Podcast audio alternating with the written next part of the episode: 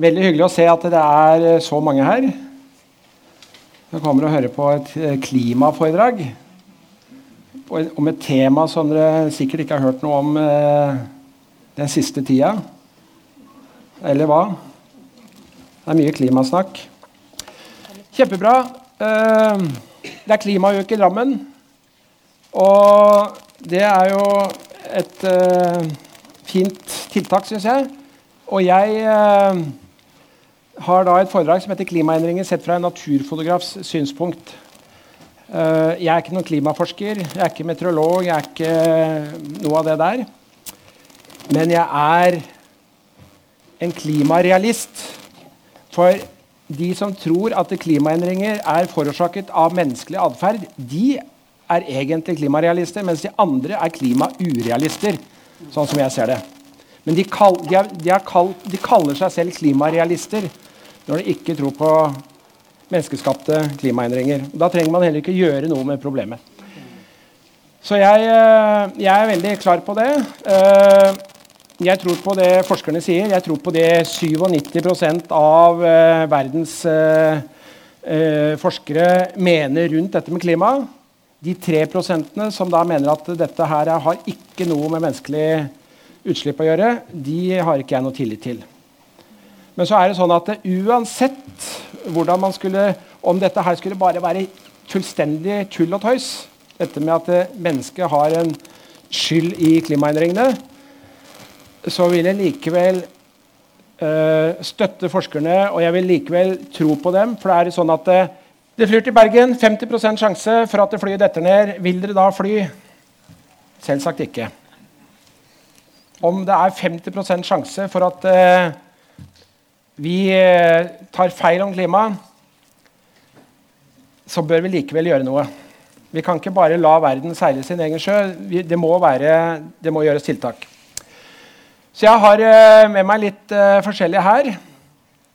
Han her kjenner dere godt. Det er Arnold Schwarzenegger. Og han uh, har sagt på en av de siste miljøkonferansene at han skulle vært Terminator i virkeligheten. For da kunne reist tilbake til fortiden, og så kunne den stoppa hele den der utviklingen med, eh, med, karbon og ta opp olje. Han ville latt det ligge. Så, så, han har jo engasjert seg veldig i dette her. David Attenborough.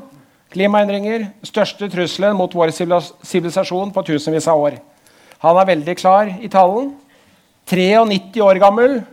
Fortsatt sylskarp, fortsatt engasjert i alt som skjer med natur og klima på denne kloden. Fra 93 til 16, eller 17 kanskje hun er nå. Greta Thunberg, hvordan våger dere? How dare you? Som hun hadde på denne uh, store FN-konferansen. Hvordan våger dere å gjøre det dere gjør?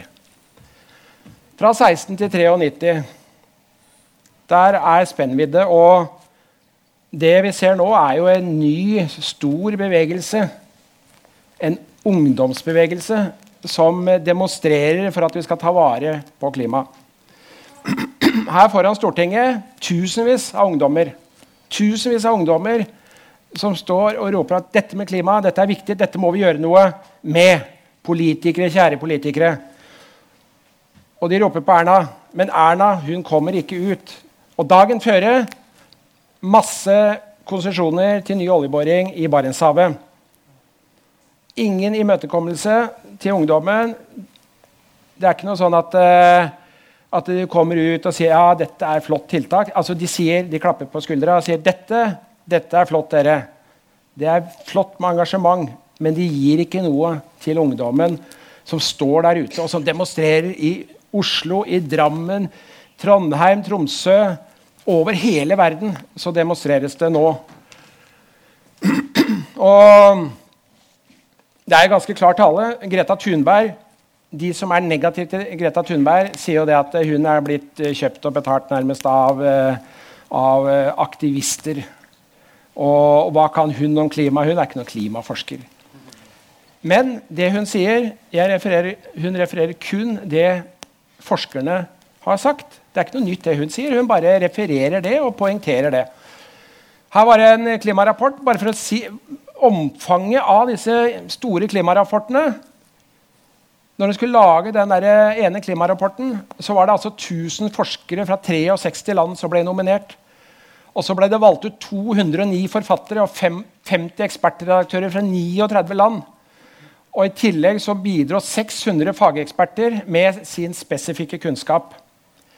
Og De lagde da en eh, klimarapport som var basert på 9200 vitenskapelige publikasjoner og 2 millioner gigabyte med talldata fra klimadata, eh, klimamodellsimuleringer.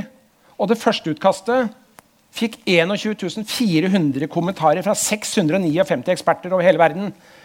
Andre utkastet fikk 31 422 kommentarer fra 800 eksperter. Og siste utkastet 2014 sider med 1250 vitenskapelige figurer og diagrammer. Og det kom inn 1855 kommentarer fra fagmyndighetene i 32 land. Og så er det da en del som hevder at dette her dette er tull og tøys. Dette er, dette er altså og dette er kjøpt og betalt av Ja, hvem skulle det være, forresten? Uh, og at uh, dette her er for å få verdensherredømme, og det er masse rare konspirasjonsteorier rundt dette her. Og folk som uttaler seg, de uh, har jo ikke den kompetansen. det er en del fagfolk i Norge som går imot mye av dette, men majoriteten er 97% forskere. Og hvorfor skal man gå imot det? Hva er poenget med å gå imot det? Det lurer jeg på. Og Siden 1850 så har eh, menneskene økt mengden CO2 i atmosfæren med ca. 40% Så det er en massiv eh, økning av, eh, av CO2 som da virker som en sånn drivhus, altså drivhusgass som holder varmen innafor i atmosfæren istedenfor at det uh, slipper ut. Så, så du varmer opp gradvis. Og hvis vi ser på utslipp av klimagasser i Norge fordelt på, på kilder, så er det her, er det her er det industri. Den har gått litt ned, ser dere. Det blir jo renere industri også. Og så har vi olje- og gassutvinning her. Den er ganske høy, og nå blir det enda høyere. Nå skal vi jo ta ut uh, fra det nye, nye, feltet som ble åpna her i, for en uke siden.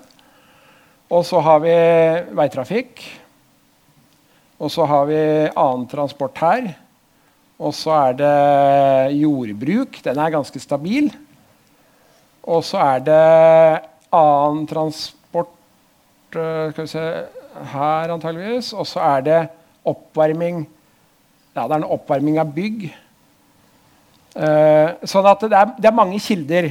Og det er klart, vi flyr. Jeg flyr mye det er mange, mange problemer rundt hele, hele til hvordan vi skal tilpasse oss den nye virkeligheten.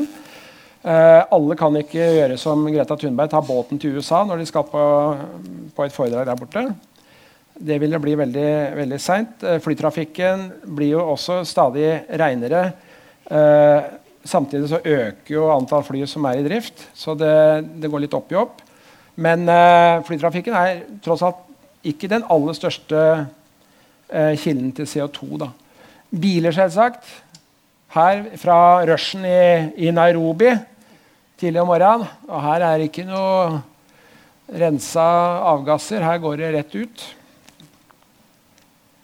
Og landbruket har også sin andel av utslipp. Og man sier at hvis du har tar én kjøttfri dag i uka, så tilsvarer det 170 000 færre biler.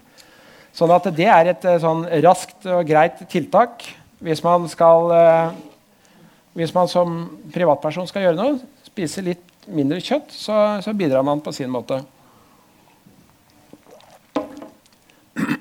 Alt dette med klima jo, det handler jo om klimaendringer. At det skal bli et annet klima.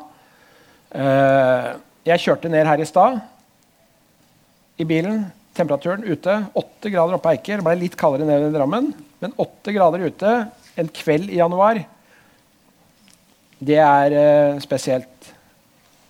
Hadde det vært uh, veldig kaldt, så ville klima, de såkalte klimarealistene sagt at uh, Oi, hvor ble det av klimaendringene? Det er jo så kaldt i dag. det er forskjell på vær og klima. For været er jo sånn som det er. Det kan endre seg fra dag til dag. Klima derimot langsiktige trender. Så kan ikke si at dette været nødvendigvis er en klimaendring. Men hvis du ser på de lange trendene og hvordan disse grafene beveger seg over tid, så kan man se at det generelt blir varmere på, på jorda. Og det blir annerledes eh, vær og mye nedbør. Det kan bli her, vet du. Drammenselva. Dette er jo her er opp mot Stenseth og Nedre Eiker, Mjøndalen, når det er flom i elva. Mer ekstremvær. Men så er det det at vi nordmenn vi, vi klarer å tilpasse oss om det blir litt flom eller dårlig vær osv. Men det er en del land ellers i verden som da får kjempeproblemer. Uh, så, så, det er alltid de marginale gruppene som da blir mest utsatt for disse endringene. Så kan vi sitte her og si ja, men det er, det er fint med litt varmere, litt varmere vær. og det er, det er, fint sånn og sånn.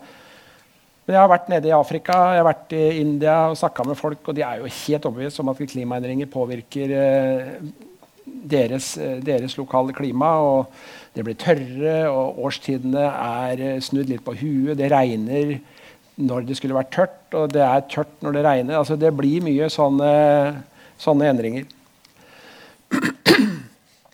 Og så, Det var litt, sånn, sånn, litt bakteppe på det med klima. Og, og så er jeg, jeg er jo naturfotograf oppi alt dette her. da. Så jeg, eh, min bakgrunn er jo Jeg er utdanna biolog fra Blindern i Oslo.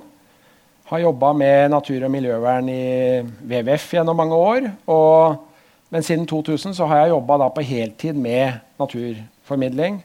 Foto, ta bilder, eh, skrive artikler, holde foredrag. Eh, og lede fotoreiser for andre. Dette her dette er i Finnemarka. Jeg er vokst opp eh, på andre sida der borte. Hauges gate. Derfra så var det bare liten, kort tur opp til spiralinngangen der. Og så kunne jeg gå innover i Hammerstrømskauen, og så kunne jeg gå innover skauen. Og det gjorde jeg fra jeg var 3, altså fra 3-74, da jeg var 11-12 år gammel innover og innover i marka. Så kommer du først opp til Lamfallstjern, og så kommer du opp til Tverken. Og så vil du gå enda lenger, og så kommer du til Skimtverden og Bakketjernsheia. Kanskje borti Tverråsutsikten. Det var mine barndomsområder. Og jeg, jeg, var på jakt etter den uh, ultimate uh, villmarka. Og jeg skulle ha stadig på jakt etter orrfuglleiker. Sammen med en som sitter der, f.eks. Han, uh, han har vært med meg på orrandleiker helt fra 74. Og det men så var det sånn at uh, det var veldig bra oppe Tverken og innover der. Men jeg ville enda lenger inn. tenkte at Jo lenger inn i marka jeg kom, jo mer villere og, og, og sånn ble det. Og kanskje større orrfuglleiker osv. Dette er Korpåsen inne ved Glitre. Men øh, drømmen om den store villmarka brast litt, fordi når jeg kom langt inn i marka der, så var det det var en del fine skogområder, men jeg så også noe annet. Det var mye hogst. altså. Det var enormt mye hogstflater. Og mine første leiker på tiur de gikk jo dukken pga. at hogstmaskinene bare meide ned hele området. Her er en tidlig morgen. Eh, tatt eh, bilder fra Svarvestolen og utover der. Her er det fra eh, Presteseteråsen naturreservat, som ligger sørover der i eh, Drammensmarka sør i, eh, mot Sande. Jeg har lagd en bok nå som heter 'Med sjumilsstøvler' sammen med Tom Helgesen. og Der har vi besøkt sånne reservater. Og for meg så er jo dette er skog. da, Gammel skau hvor det er gamle trær som ligger over ende, hvor det, hvor det ikke har vært noe motorsag. Uh, dette her er Veia naturreservat, en av de siste reservatene som har kommet til Norge. Som ligger da opp fra langs elva Veia i, eh, i Nedre Eiker. Hvor, eh, altså rett ved Portåsen, hvor Herman Wildenvei han skrev om Veia. Så de har fått sitt vern. Og i disse skogene, de gamle skogene så finner du da et helt fantastisk artsmangfold som du ikke finner da i den vanlige kan du si, kulturskogen, eller forstdrevne skogen. Her med huldrestry, som da er eh, forløperen for, eh, for juletreglitteret. En sjelden lavart. Og så, i disse skogene, så er det sånn at eh, hvor, hvor, viktig er skogen når det gjelder dette med klimaspørsmålet? Jo, skogen er kjempeviktig. Den gamle barskogen er veldig viktig for å lagre CO2 fra lufta. De lagrer jo CO2 fra lufta, bruker i fotosyntese og produserer oksygen ut igjen. Og vi vet at uh, det er veldig mye snakk om regnskog. Og regnskogen er viktig i, i klimaspørsmålet, er viktig i uh, si, hele globale værsystemet. Men faktisk er de nordlige barskogene de har lagra enda mer karbon enn regnskogene. For de skogene dere ser her oppe, det er da utløpere av et enormt barskogsområde. Taigaskogene som starter her i Øst-Norge, og som går gjennom eh, hele Norden, inn i Russland og hele veien bortover til Stillehavet og fortsetter på andre sida, Alaska og Canada. Så det er et kjempestort område. Og denne barskogen den er som en støvsuger for karbondioksid. Og karbondioksidet kommer inn i trærne, og så blir det produsert ved hjelp av sollys eh, og vann. Så blir det produsert eh, eh, karbohydrater og sukker. Og det også er en ting til som er viktig når det gjelder skogenes eh, eh, opptak av karbon, det er soppen. Soppen er utrolig viktig. og det dere ser her, det er jo bare overflatesoppene som er på bakken. Men nede i bakken, under bakken så er det kilometer på kilometer med sopphyfer. Såkalt eh, sånn mysell. Sånn svært nettverk. Eh, og det som skjer, er at eh, karbonet går inn i toppen av treet eller inn i, inn i trærne. Og så blir det kanalisert ned gjennom stammene, ned til disse her, som da ikke har fotosyntese. Så de får, og de lever i et samspill med trærne, så de får da karbohydrater fra treet. Og disse har et sånt kjempestort nettverk at de suger opp vann og mineraler til trærne. Så, så de bytter trærne for vann og mineraler. og soppene får kar karbohydrater tilbake. Og ved hjelp av det karbonet så bygger da soppene opp et enormt eh, mycell under bakken og lagrer, lagrer karbonet der i årevis. Så Derfor så bygger det seg opp i bakken enorme karbonlagre. Og det er, det er, det som er unikt med, med de norske, eller de, de nordlige barskogene. Men helst i de gamle skogene. For når hogstmaskinene kommer og blottlegger alt dette her, så får du en karbonlekkasje ut igjen i atmosfæren. Det er, eh, derfor er det veldig fascinerende, det der. Man er kanskje ikke så klar over det. Uh, hvordan det foregår. Det er jo så mange organismer i skogen. Og en annen ting som jeg er veldig opptatt av når det gjelder dette med klima, det er at eh, man må ha to hoder Nei, to, ikke to hoder, men to tanker i hodet på en gang. Klima det er én ting. Den andre tingen det er det biologiske mangfoldet, artsmangfoldet i, i skogen. For hvis du bare tenker klima Sånn som skogeierne de sier, Vi gjør veldig mye bra for, eh, for, for, skog, eh, for klima fordi vi planter trær. Vi planter masse trær. Men det er ikke den skogen du får da, som er viktig for det biologiske mangfoldet. Så Derfor, så, derfor så er det veldig viktig å ta vare på de gamle skogene. Og hvor mye har vi verna av den uh, opprinnelige Hvor mye urørt barskog har vi igjen her i landet som er, er verna? 3,6 Så det er ikke så mye. Dette her er marisko. En av de fantastiske orkideene som vi finner uh, i Drammensområdet takket være mye kalk i bakken, sånn som oppe på Bremsåsen. Her er det faktisk en botaniker i bakgrunnen som ligger da og studerer eh, flueblomst. Hansen heter han. Det er flueblomst, og den er jo spesialtilpassa. Den, den, ser ut som flue. Den har følehorn her oppe, har vinger. Og ikke nok med det, den lukter som en hundgraveveps. Sånn at når, når gravevepshannene klekkes, de klekkes to uker før, uh, før hundene, uh, så går disse gravvepsene og kjenner lukt. Oi, her er det dame, ikke sant? Og her skal jeg bort, og så skal jeg prøve å pare meg. Og han får para seg, og så flyr han til neste blomst og parer seg, og så får bestøva blomsten. Men når hund, hundegravvepsene kommer til verden da, et par uker senere, da mister han interessen for, uh, for flueblomsten. Da er det bare ekte vare. Men da, da har flueblomstens uh, framtid blitt, uh, blitt sikra, da. Med klimaendringer så får vi høyere, sko, uh, høyere tregrense. Vi får jo dette er fra Blefjell.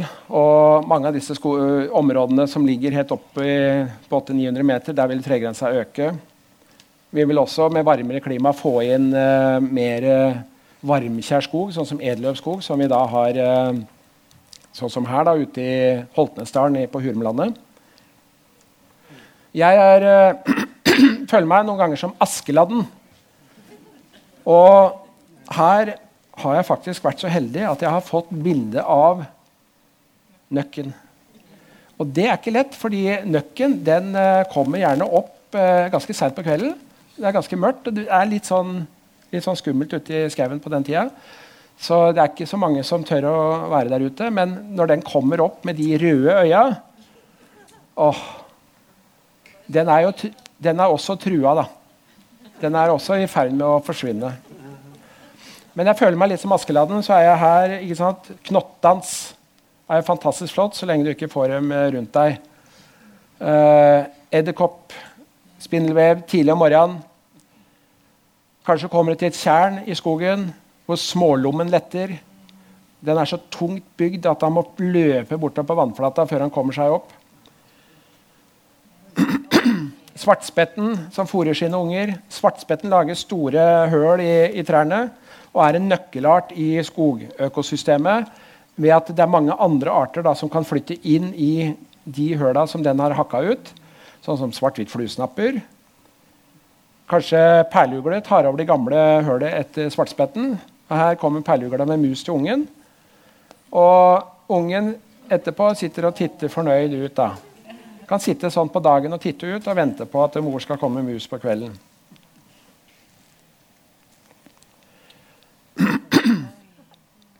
Og dette er også en sånn taiga-art.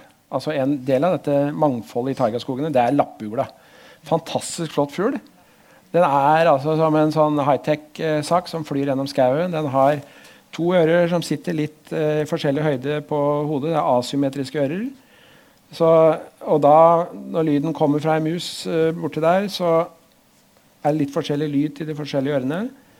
Og den tidsforskjellen gjør at han da kan navigere helt eksakt både horisontalt og vertikalt når den flyr, og slå ned selv om byttet er under snøen.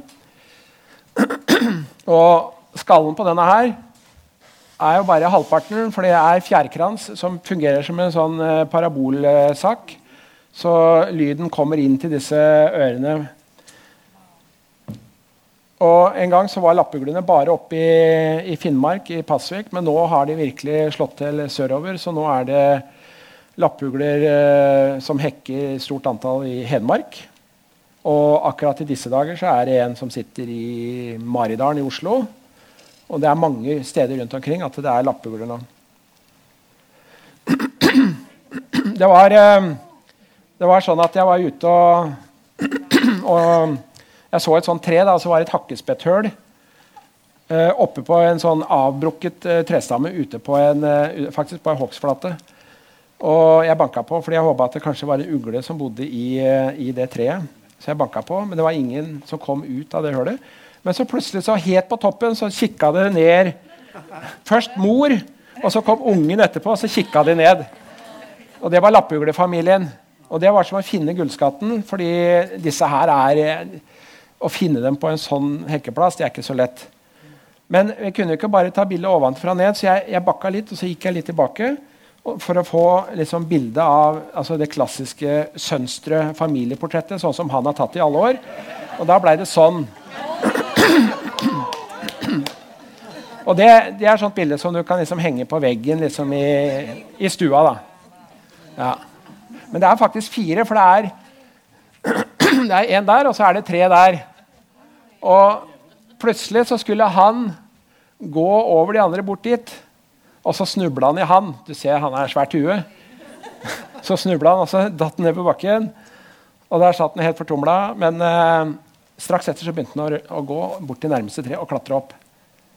For å komme seg unna reven. Fordi det er sånn instinkt. De må jo opp i trærne, for sitter de på bakken, så kan reven ta dem. Andre fugler som er i, i skogen, er jo spurve, spurvehauken. Den jakter jo småfugler. Hønsehauken jakter litt større fugler. Kan jo ta århøne og røy og, og, sånne ting. Er jeg tatt opp i Trøndelag i, før, rett før jul. Og denne her kom en sånn kraftig snøvær. Og da sitter jeg da i kamuflasje ikke så langt unna og kan liksom studere haukeblikket. da. Det er meg. Og jeg bor i et sånt telt eh, ti dager i året. Altså i april-mai, for da, da, flytter jeg ut, og så, og så, ligger jeg på leik. da. Jeg sa jeg hadde vært innom han bak her i, allerede i 74. Og det, jeg har fortsatt med dette her hvert eneste år. Så i år så går jeg inn i min 46. sesong på tiurleik og orrfuglleik. Uh, uten å ha hoppa over én eneste sesong. Det er ganske bra, syns jeg. Og det håper jeg skal fortsette med i hvert fall to år til. Enda lenger. Men det er ganske fint inni der. Jeg, det er 1,60 uh, her. Men jeg ligger diagonalt, så blir det akkurat så jeg får strekt meg ut. Og der har jeg kamera på stativ, jeg har en stol, og der sitter jeg og følger med på tiurleiken. og tiuren kommer inn tidlig om morgenen. Og Det er også en av de store, store attraksjonene i norske barskoger. Det er en del av det mangfoldet. Eh, og, som da ikke trives i en, en hogstskog. Da. Altså, de skal ha helst gammel skog. De eh, spiller jo både i noen, noen, år så kan det være mye snø på leiken, andre år er det helt bart. I år kan det bli veldig bart hvis det fortsetter. Men her var det midt i spilltida, og så kom dette snøværet. Skikkelig kraftig snøvær. Uh, men det jeg har observert på mine leiker, er at uh, røyene kommer tidligere og tidligere på leik pga. klimaendringer. Så når jeg begynte med dette her, så var jo den store høneuka den var rundt 1. mai. Men nå er det på min leik nå så er det fra 17. april til 22. april. Innenfor de dagene skjer alt. Og det er klart at de, de må slåss litt for å få tilgang på disse her. Men de store, tøffe gutta Det er jo som regel bare én da, på leiken. Han får eh, tilgang på ganske mange. Og dette, dette foregår over en tre-fire dager, og da kan den pare ganske mange ganger. og Rekorden, eh, rekorden eh, var jo en tiur som para 15 ganger på tre timer.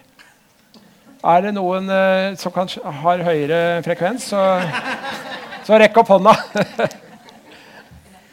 det er eh, Men det, det, går som regel en, eh, noen og tjue da, på en sånn tiur med en sånn flokk i løpet av noen dager. da. Paringa er ganske rask og varer bare tre-fire sekunder. Og og så er det da én De andre må jo da stå bak en busk og kikke, da. Sånn som han her. Han bare står og furter. Men kanskje om et år eller to så kan det hende det blir noe på han òg. I denne barskogen, som er så viktig for klimaet og som er så viktig for mangfoldet, der har vi også de store rovdyrene. Dessverre så har vi i Norge veldig lite rovdyr. Uh, og det er jo synd. Takket være en lov som kom i 1845, loven om utryddelse av rovvilt. Hvor man da ga masse skuddpremier på å utrydde det som var av store rovdyr i Norge. Og det har jeg fortsatt. Uh, og så ble dyra freda, og så kommer det nye bølger nå med at man skal utrydde disse her. Jeg så senest på TV var i går kveld fra stort folkemøte. Da var det mange flere enn dere som da raste fordi de ville drepe alle ulveflokkene innenfor et område innenfor ulvesona i Hedmark. Bjørnen kommer ut av hi, slåss litt, går opp på to og slåss. Fantastisk dyr. Bjørnen den ligger jo halve året i, i hi, og så kommer den ut uh, og skal begynne å spise. Det er ikke så mye å spise når den kommer ut. Det er litt maur og litt sånne ting. Uh, og så er det rett på dette her. Den skal også forplante seg og få, få barn og, og, stå på, da.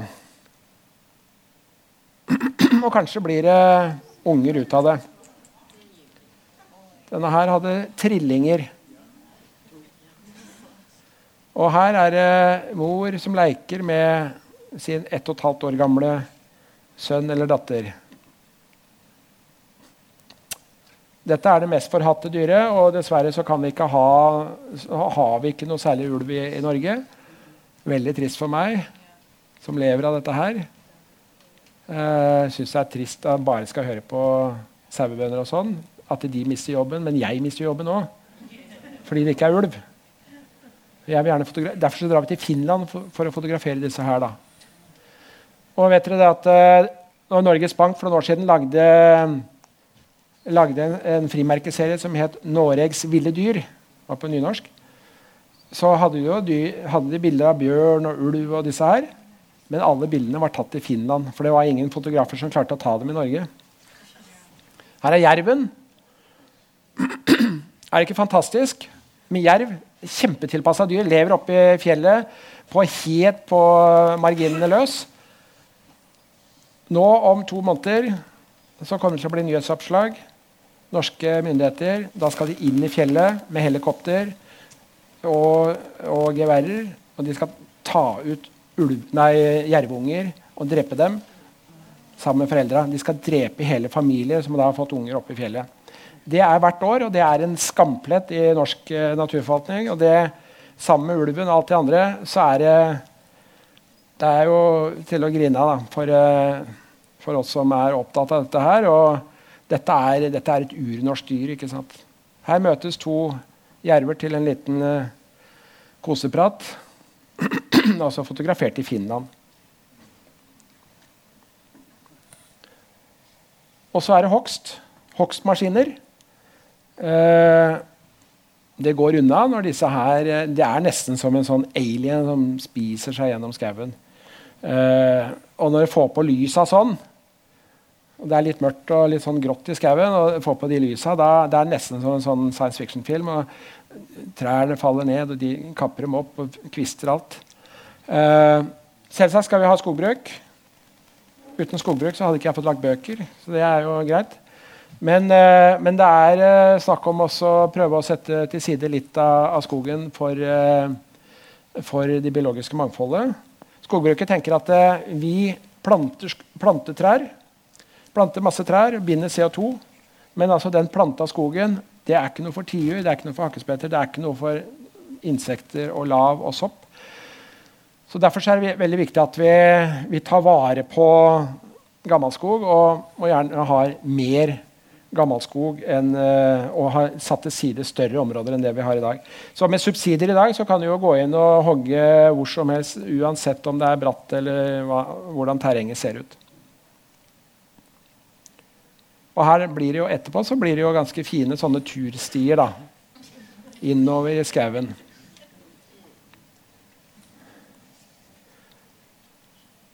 Vel, vekk fra barskogen. Og jeg var på Island i sommer. Fantastisk eh, på Island med store fosser og eh, Her er fra Landmannalaugar, som er sånne vulkanske områder med farver, og det er eh, snøflekker. og og sånn. Uh, og så dro jeg ut da, til ei øy som heter Grimsøy, som ligger fire mil nord for, uh, uh, nord for Island. Det er den eneste delen av Island som krysser polarsirkelen.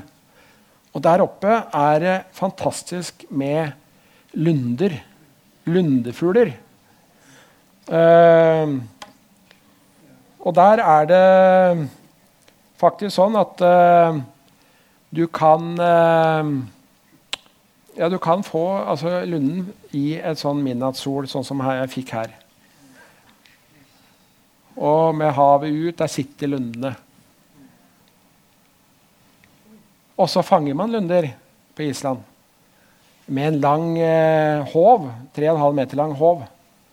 Han sitter der, han, eh, han eh, Magnusson, 21 år gammel.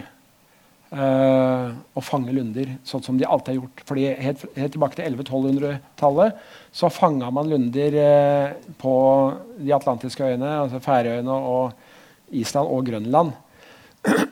og han, uh, han, var ekspert. Jeg var med disse gutta ut for å bare se hvordan det fungerte. Jeg lagde en A-magasin-reportasje på dette her i høst.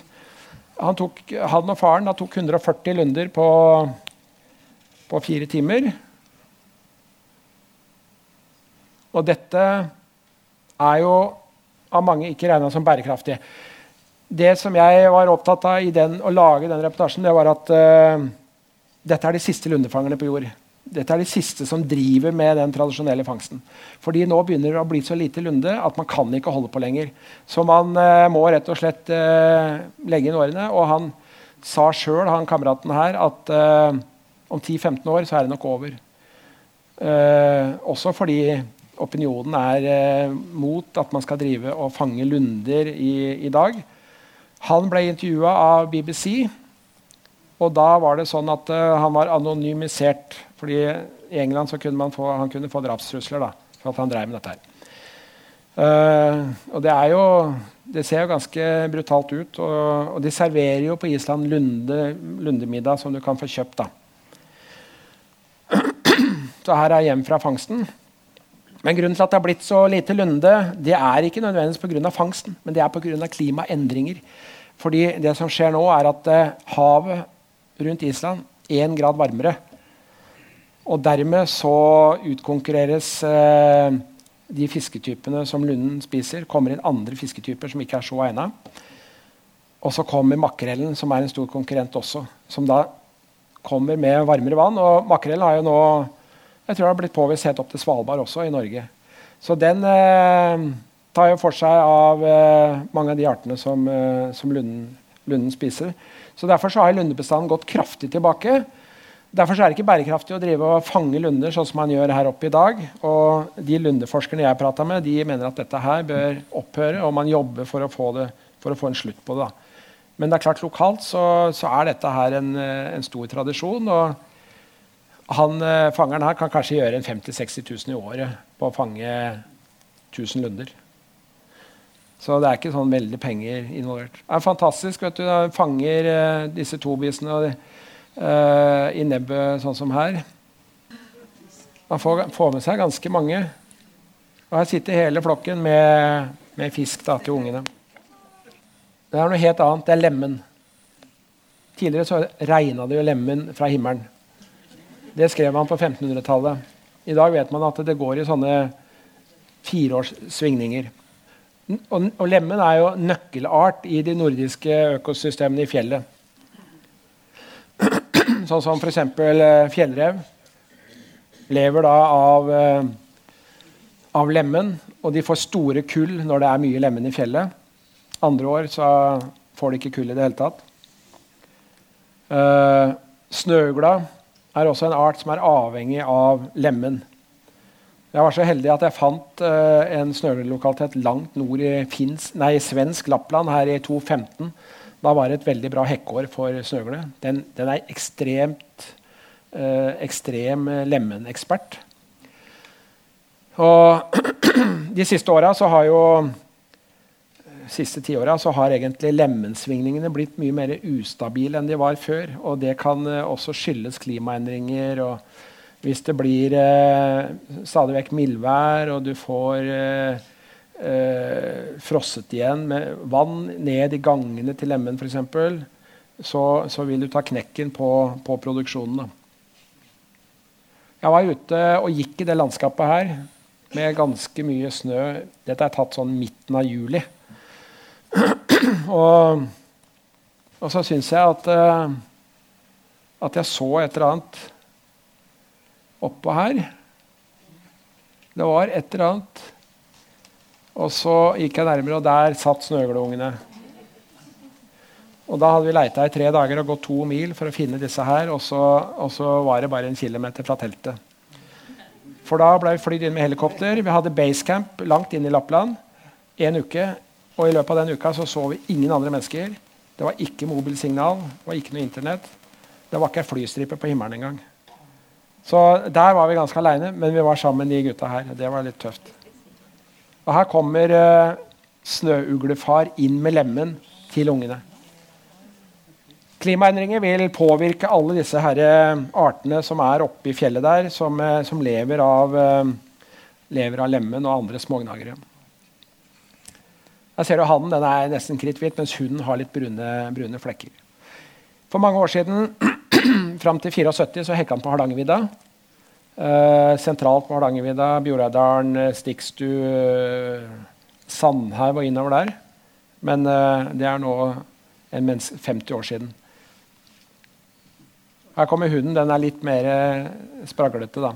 Og her, her ligger ungene. Så er det dette med klimaendringer. Arktis er jo de områdene som eh, vi hører veldig mye om klimaendringer. Her med en iglo i Canada med nordlys.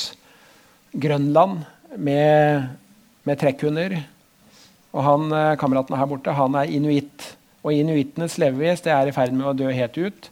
Nå forsvinner mer og mer isen på, på fjordene også for, eh, for inuittene, sånn at det blir uh, vanskeligere for dem å drive med tradisjonell uh, jakt, sånn som de har gjort. da.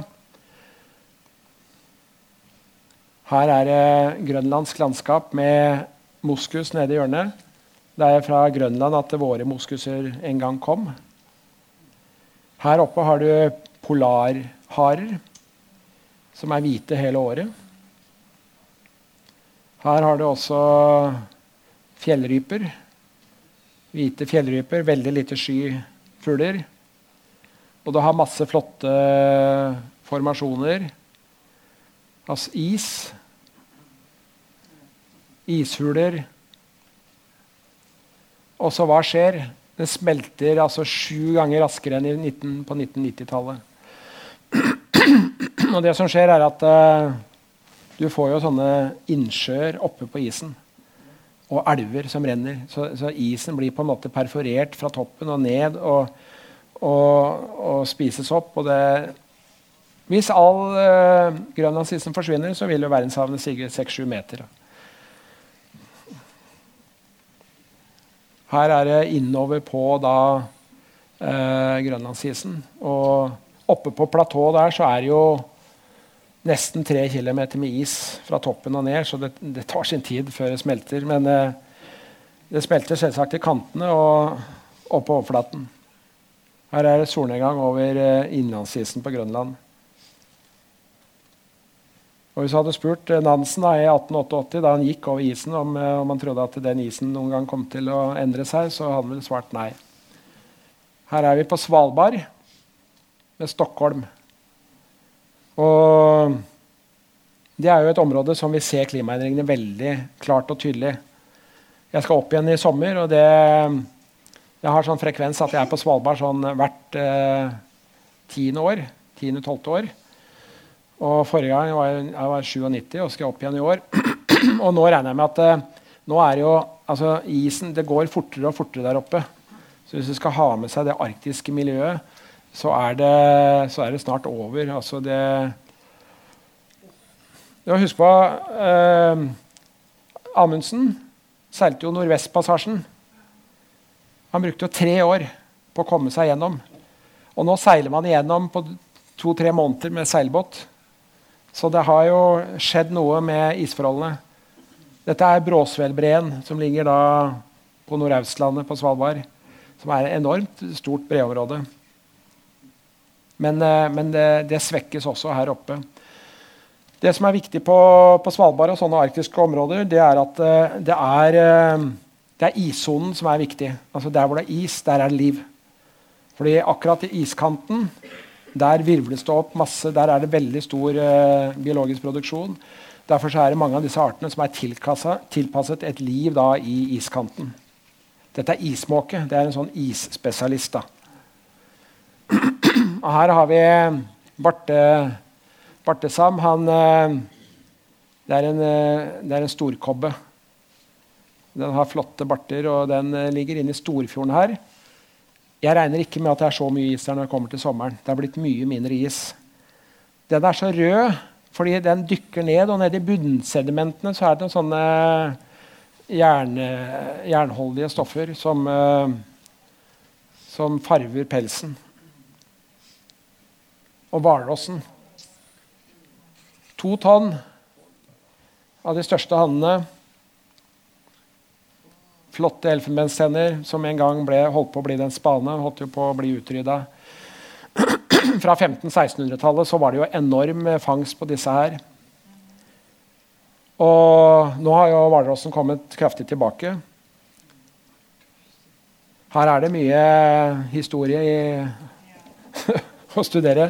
Men eh, samtidig som den kommer tilbake, så kommer også klimaendringene for den. For den er avhengig av å ligge i nærheten av, de områdene hvor den skal eh, drive med muslingfiske. Den fisker jo ikke fisk, den, den, skal ha muslinger som ligger på, på bunnen av, av havet. Og, og, da skal det ikke være for dypt. Det skal være maks 200 meter ned til disse muslingene. Og da, da er den avhengig av å ligge på isflak eller på, på land. og hvis all isen forsvinner, så må man svømme mye lenger ut til disse disse eh, områdene hvor disse muslingene ligger. Da. Det er en studie i isbjørn. Sånn skal det være for isbjørnen. Det skal være mye is. Sånn at han skal kunne bevege seg rundt. For isbjørnen er avhengig av is. Uten is så dør isbjørnen ut. Og det er ikke fordi han er avhengig av isen, men han er avhengig av noen som, er, som også er avhengig av isen, og det er selen. Isbjørnen klarer ikke å ta sel hvis det ikke er is. Så må ha, det må være høl i isen, hvor uh, luft, uh, sånne pustehull for, for, selen, hvor den kommer opp. Det er der den kan ligge og jakte. Eventuelt sel som ligger på isen, kan snike seg innpå og ta. Forsvinner isen, så vil den ikke kunne klare å leve på, på sel. Da må den ta kanskje egg og fugleunger. Det monner ikke for en så svær, svært dyr som skal bygge seg opp et enormt spekklag for å klare vinteren.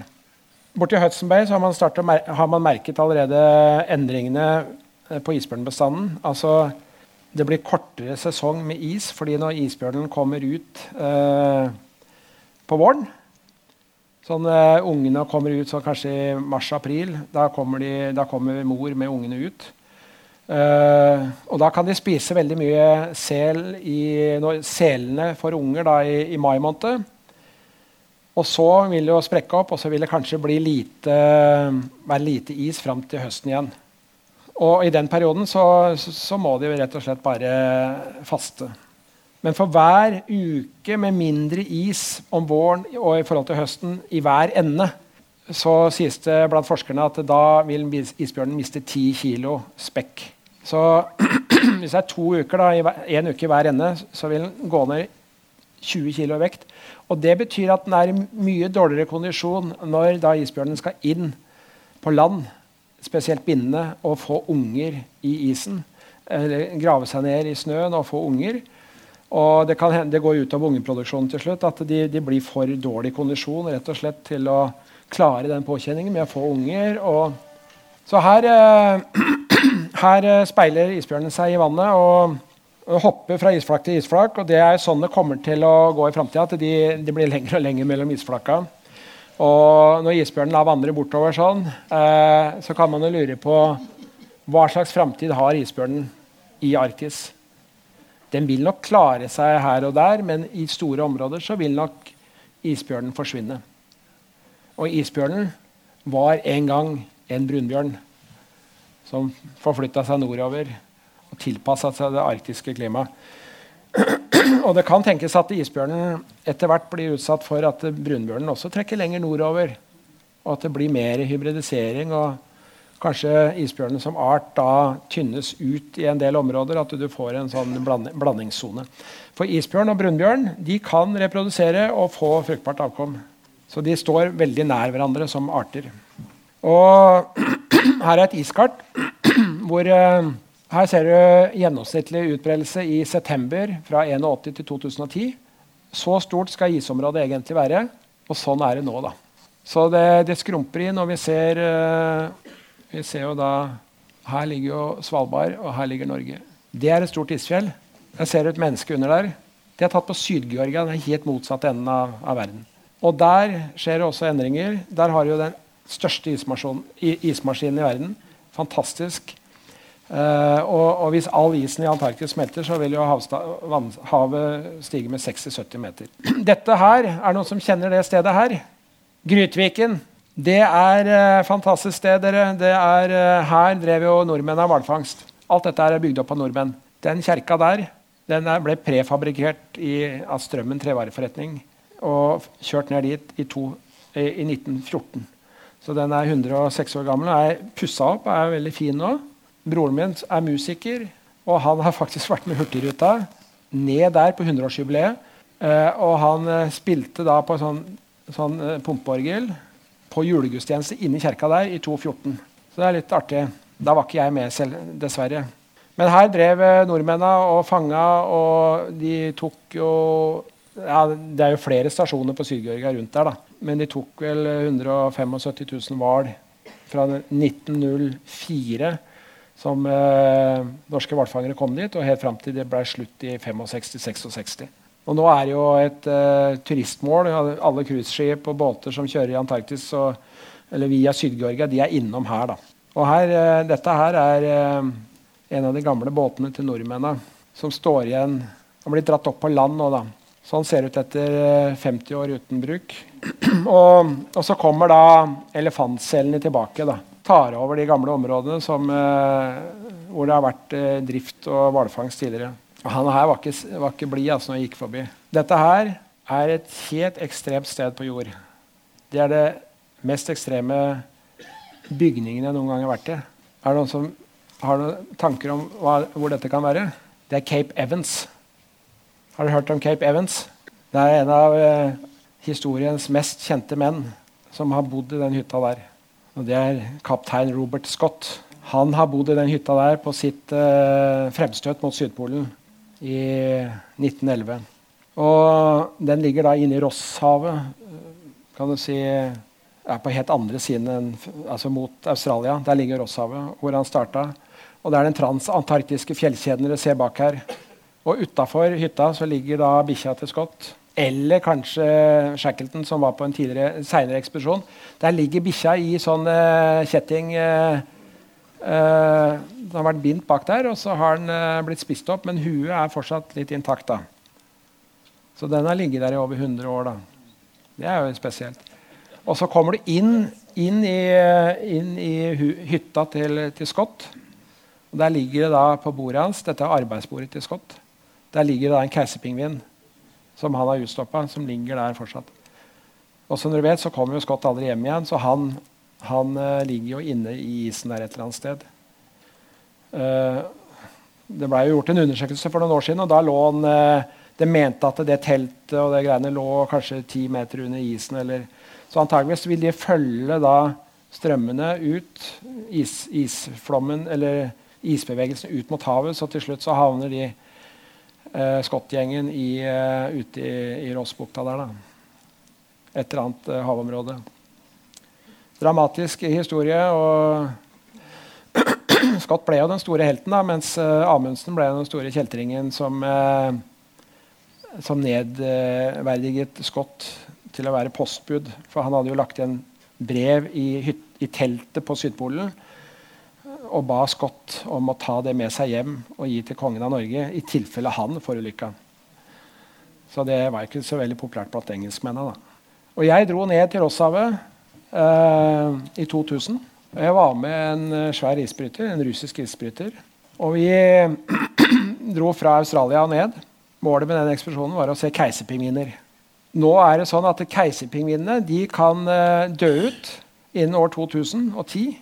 Nei, 2100. Eh, hvis vi ikke stopper klimaendringene. fordi her skjer det veldig store ting med disse pingvinene.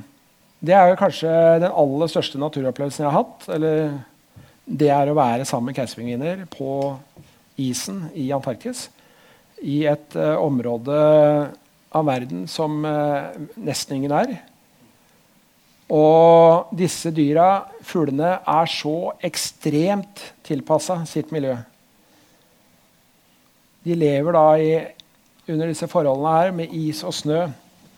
Og det som er greia med disse pingvinene er at de, de, setter aldri sin fot på fast grunn. De er bare på isen. Nå er vi, nå er vi jo i, januar kan du si, i Antarktis. Det er høysommer i Antarktis. Uh, og fortsatt vil det være litt tid uh, før pingvinene søker til hekkeplassen. Men i april så begynner pingvinene å gå til hekkeplasser inne i bukter hvor det er De vet at det er ganske fast is.